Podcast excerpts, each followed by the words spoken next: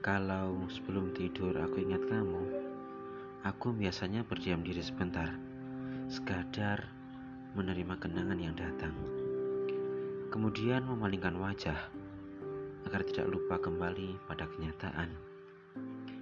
Kalau selama ini aku sudah bodoh, minimalnya aku sudah menyelamatkan diri sendiri. Aku tidak boleh selamanya mengurung diri di dalam kamu, karena memang nyatanya aku tidak untuk di sana. Di balik rindu yang tidak terucap, ada masa depan yang mesti ditatap. Semangat melanjutkan hari, walau ia yang dipuja tak kunjung menetap.